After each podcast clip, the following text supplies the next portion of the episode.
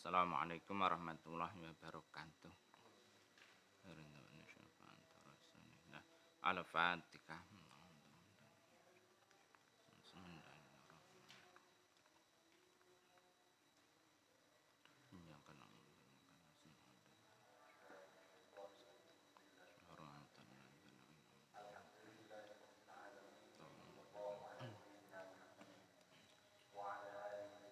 Bismillahirrahmanirrahim. Kita lanjutkan nomor 31. Pertanyaannya jika terdengar beberapa azan dari berbagai masjid yang dijawab azan yang mana yang dijawab untuk ditirukan itu azan yang mana jawabnya jika beberapa adzan itu bersamaan waktunya, maka cukup dengan satu jawaban adzan. Tetapi jika berurutan waktunya tidak bersamaan, maka sunnah menjawab satu persatu. Jadi kalau adzan di masjid satu dengan masjid yang lainnya itu bersamaan, cukup menjawab satu adzan. Tapi kalau antara masjid satu dengan masjid yang lainnya tidak bareng adzannya. Ini misalnya masjid satunya sudah selesai adzan, kemudian masjid yang satunya baru mulai adzan lah ini sunnah untuk dijawab semua. Lau tarot taba Lamun berurutan. Sopo al muadzzinuna wong wong kang adzan. Ajaba mongko menjawab sopo wong. Al kulla ing masing-masing. Ini jika orang-orang yang adzan itu berurutan waktunya, tidak bareng. Maka seseorang menjawab masing-masing di antara orang-orang yang adzan tersebut. Wa idza adzanu lanalika adzan sapa lemu adzinuna ma'an haling bebarengan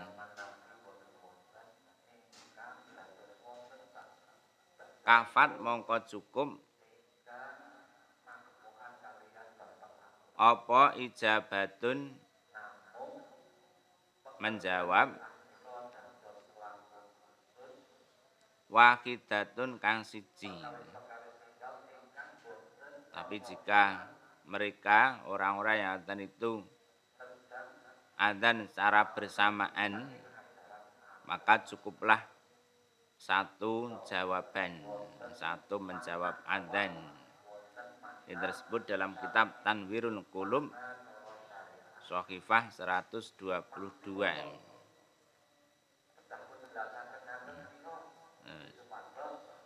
Nomor berikutnya Pertanyaan sahkah tayamum dengan tisu dengan menggunakan tisu Dijawabnya tidak sah tayamum dengan selain debu yang suci mensucikan.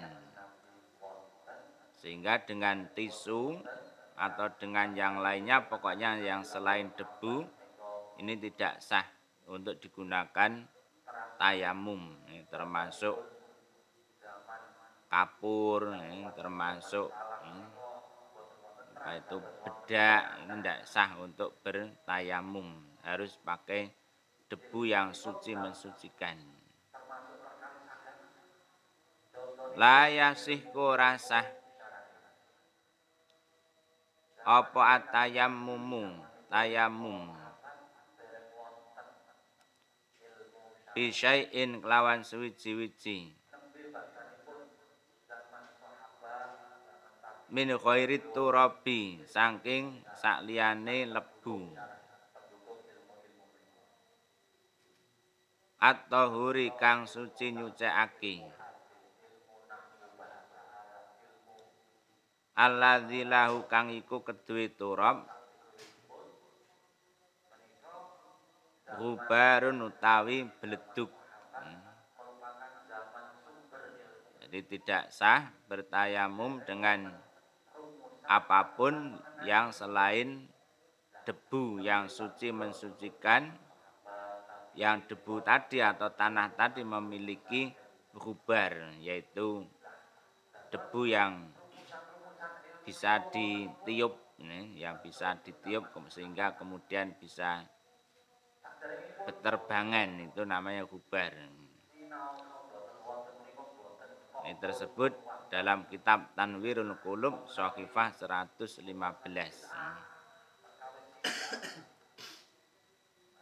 Nah, berikutnya, bolehkah sholat ba'diyah Jumu'ah empat rokaat dengan satu salam? Satu salam sudah barang tentu dengan satu takbiratul ikhram dan juga satu tasyahud. Jawabnya boleh sholat qobliyah atau ba'diyah Jumu'ah atau duhur jadi Jumu'ah atau duhur itu memiliki sholat qobliyah dan sholat ba'diyah. Qobliyahnya empat rokaat, ba'diyahnya juga empat rokaat. Nah ini baik qobliyah maupun ba'diyah sholat Jumu'ah maupun duhur ini boleh dilakukan empat rokaat dengan satu salam. Tetapi yang afdol, yang lebih utama dua rokaat satu salam. Sehingga empat rokaat dengan dua kali salam. Ini dasarnya walahu laniku kedue wong. Jam'ul qabliyati utawi ngumpulake salat qobliyah. Al muakkadati kang den kuatake wa ghairiha lan sakliyane al qobliyah al muakkadah bi ihramin kelawan takbiratul ihram. Wahidin kang siji. Wahidin kang siji. Bi ikramin kelawan takbiratul takbiratul ikram wahidin kang siji. Wa salamin lan salam. Wahidin kang siji. Jadi seseorang boleh mengumpulkan sholat qobliyah yang dikuatkan kesunahannya dan selain qobliyah yang dikuatkan kesunahannya dengan satu takbiratul ihram dan satu salam. Jadi dua apa itu empat rokaat qobliyah duhur atau qobliyah jumu'ah itu yang dua rokaat merupakan sholat sunnah yang dikuatkan kesunahannya. Yang dua rakaat lagi sekedar disunahkan tapi tidak dikuatkan kesunahannya. Demikian pula yang ba'diyah yang ba'diyah empat rakaat ba'diyah duhur maupun empat rakaat ba'diyah jumu'ah itu juga dua rakaat sangat disunahkan dan yang dua rakaat sekedar disunahkan tidak sangat dikuatkan kesunahannya. Nah ini boleh dilakukan dengan satu takbir takbiratul ihram dan satu salam. Wal afdalu lautai kan luwih iku ayaf sila. Yen misahake sapa wong? Ha ing al qabliyah al muakkadah wa ghairiha. Bi ini kelawan takbiratul ihram loro wa tasyahhudaini lan tasyahud loro wa lan salam loro tapi yang lebih utama adalah memisahkan antara qobliyah yang muakadah dan yang yang tidak muakadah dengan dua takbiratul ihram dan dua tasyahud dan dua salam. Ini tersebut dalam kitab Bajuri juz awal Sokifah atau halaman 132.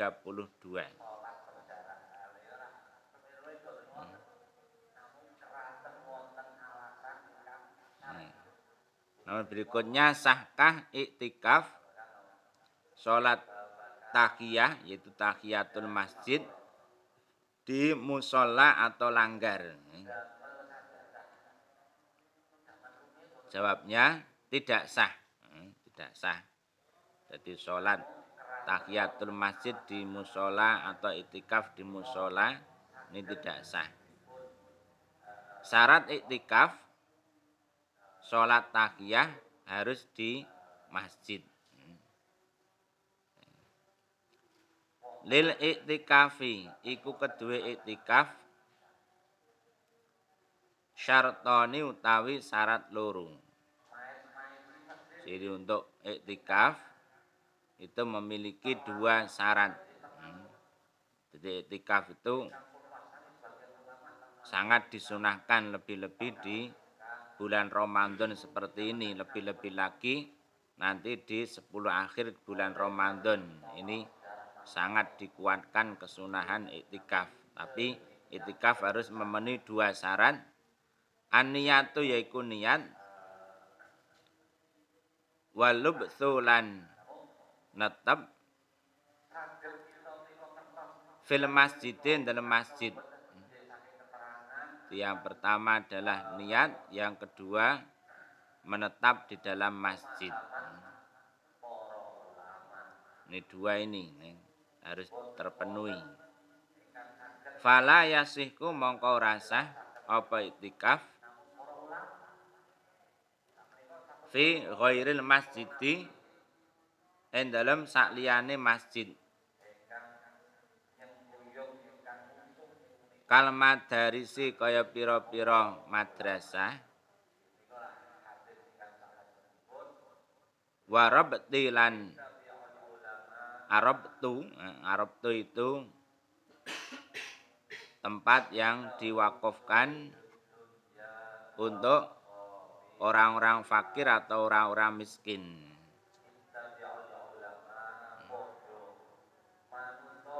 wa musallal idi lan panggonan salat id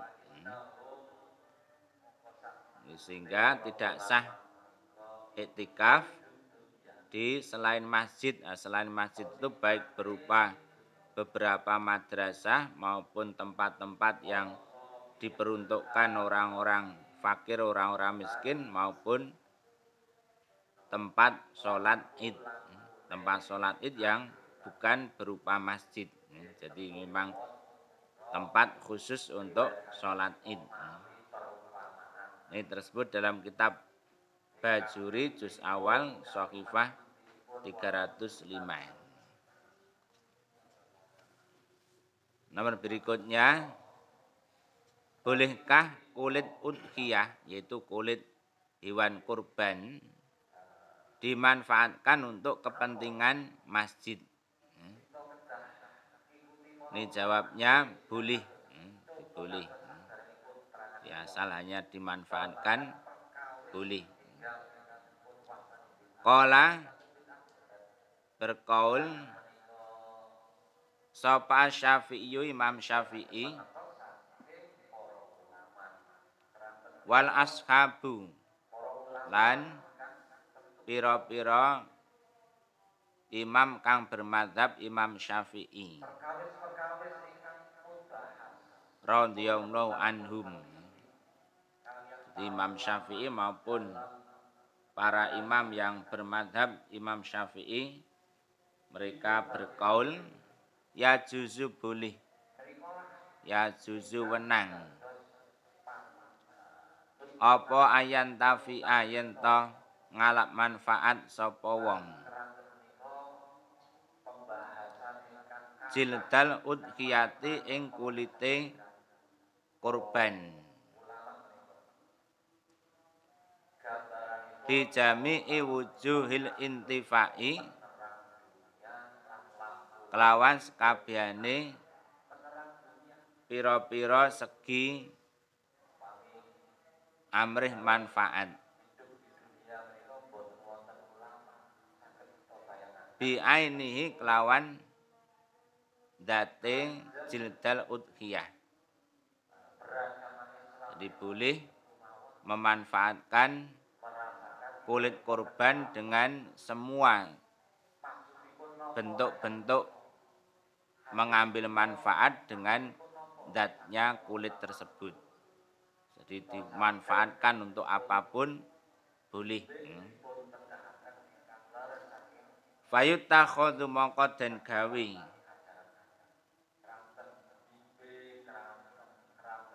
apa minhu saking jildal udhiyah naklan ing dadi sandal wadal wan lan dadi timba au au dalwan utawa dadi timba au singko anutawa wadah banyu. Wadah banyu minum. Au nahwa dzalika utawa sepadane mengkono-mengkono iku maka dari kulit korban itu bisa dibuat menjadi sandal atau timba atau wadah air minum atau yang sejenisnya. Ini terdapat dalam kitab Syarah Muhadzab juz awal Sohifah 421. Ini berikutnya bagaimana cara mensucikan air sumur yang kejatuhan anjing. Nah, ini. Jadi air yang ada dalam sumur itu najis lantaran kejatuhan anjing yang mana anjing termasuk najis mughaladah jawabnya jika air sumur lebih dari dua kulah dua kulah itu ukuran kalobak yaitu ukuran yang panjang lebar maupun dalamnya itu minimal sekitar 60 cm jadi panjang bak kolah itu panjangnya 60 cm, lebarnya 60 cm dan dalamnya 60 cm.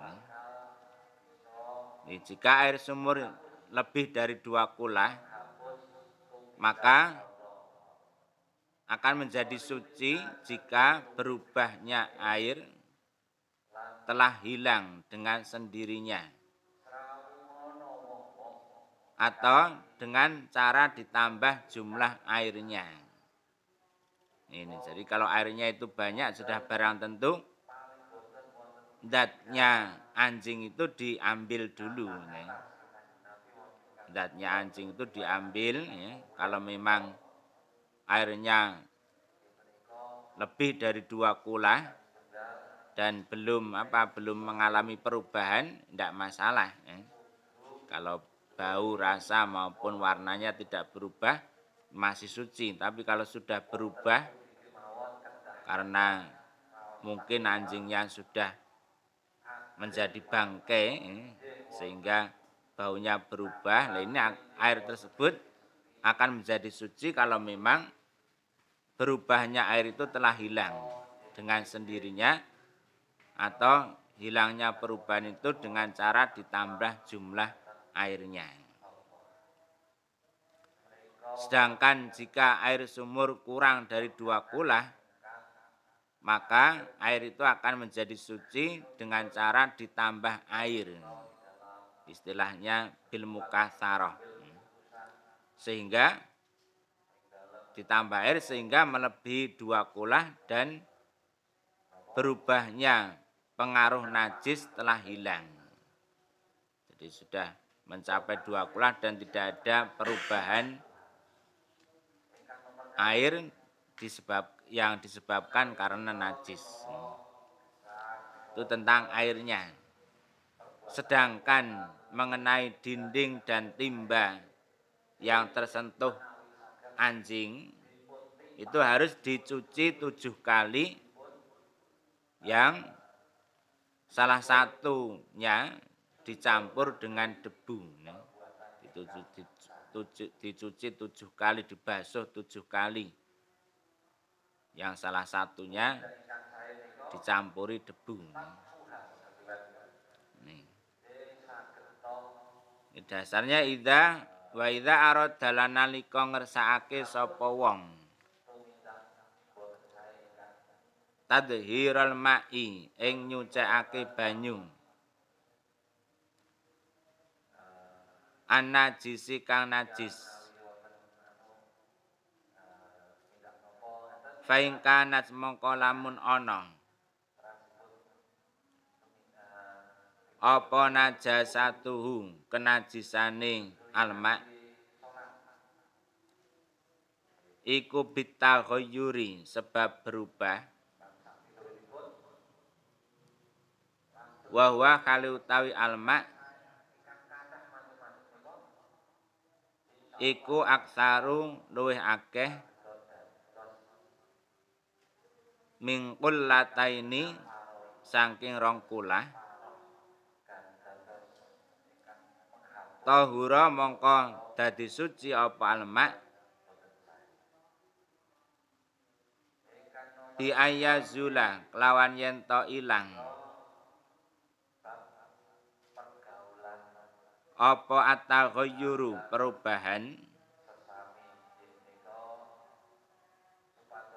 hilangi perubahan bin nafsihi kelawan awak dhewene alma au bi dofa utawa kelawan yen to den tambahake.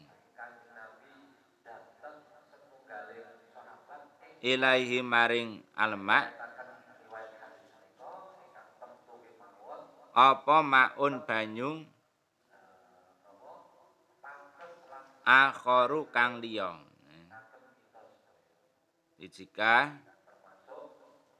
seseorang berkeinginan untuk mensucikan air yang najis. Nah, ini entah itu najisnya karena najis mughaladhah ataupun najis mutawasitoh sama saja. Maka jika kenajisannya itu disebabkan karena berubahnya air, yaitu air itu mencapai dua kulah tapi kemudian berubah. Maka air itu akan menjadi suci dengan sebab hilang perubahannya. Jadi sudah tidak berbau najis, tidak berasa najis dan juga tidak berwarna najis. Cuma hilangnya perubahan itu dengan sendirinya yaitu karena dibiarkan lama sehingga hilang dengan sendirinya atau dengan cara ditambahkan air yang lain. Jadi dengan ditambah air lain itu juga memungkinkan untuk bisa hilang perubahannya.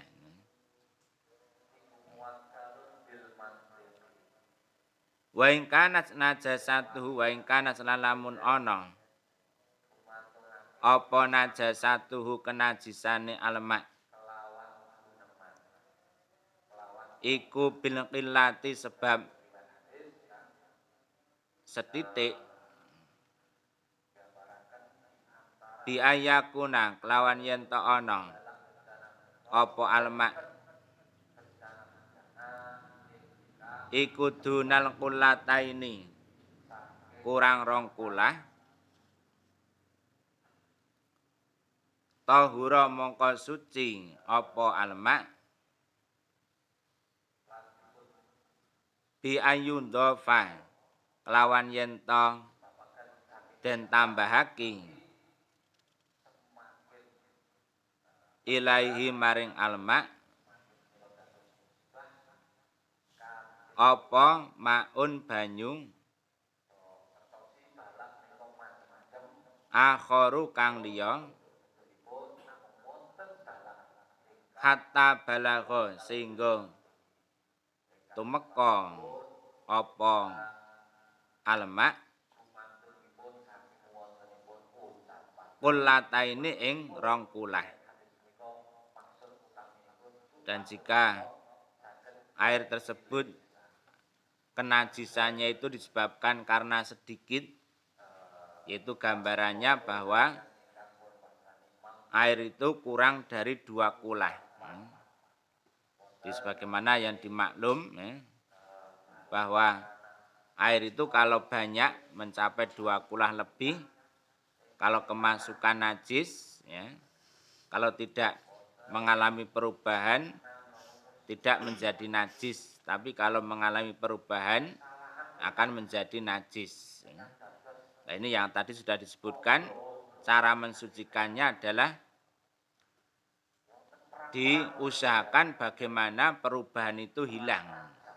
Baik dengan cara dibiarkan sehingga perubahan itu hilang dengan sendirinya atau dengan cara ditambah air yang lain ditambah apa jumlah airnya sedangkan kalau air itu kurang dari dua kulah itu jika kemasukan najis kejatuhan najis akan menjadi najis sekalipun ya, sekalipun tidak mengalami perubahan. Nah ini maka jika kenajisan air itu disebabkan karena sedikitnya air, yaitu airnya kurang dari dua kula, maka air itu akan menjadi suci dengan satu cara, yaitu dengan cara ditambahkan air ya, lain ya, pada air tersebut sehingga mencapai dua kula. Nah, cuma kalau air itu sedikit dan kemudian kejatuhan najis, sudah barang itu menjadi najis, itu ditambah air sehingga mencapai dua kulah akan menjadi suci kalau memang tadi tidak mengalami perubahan. Tapi kalau sudah airnya sedikit, kemasukan najis, ya, dan kemudian berubah airnya, nanti di samping harus ditambah jumlah airnya sehingga mencapai dua kulah, dan juga harus hilang perubahannya. Jadi kalau hanya karena sedikitnya air, kenajisannya itu karena sedikitnya air dan tidak mengalami perubahan, ini cukup ditambah air sehingga mencapai ukuran dua kola. Nih, baik najis yang jatuh ke dalam air itu najis mutawasitoh maupun najis mugholadoh sama saja. Termasuk najis mukhofafah juga sama. Nah, cuma karena yang ditanyakan oleh penanya ini air sumur yang kejatuhan anjing, yang mana anjing itu najis mugholadoh, ini maka ditambahkan jawaban bahwa dinding dan timba ataupun yang lainnya termasuk mungkin apa tali talinya untuk menimba itu yang tersentuh anjing atau tersentuh air dari anjing tersebut ya, atau tersentuh air yang sudah menjadi najis mughaladah itu harus dicuci tujuh kali yang salah satunya dicampuri debu. Ya. Ya itu dulu ini kita lanjutkan besok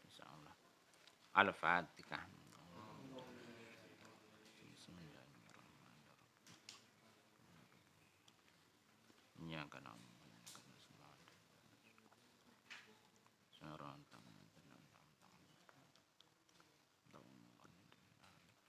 Maulaya salli wa sallim daiman abada ala habibika khairil khalqi kullihim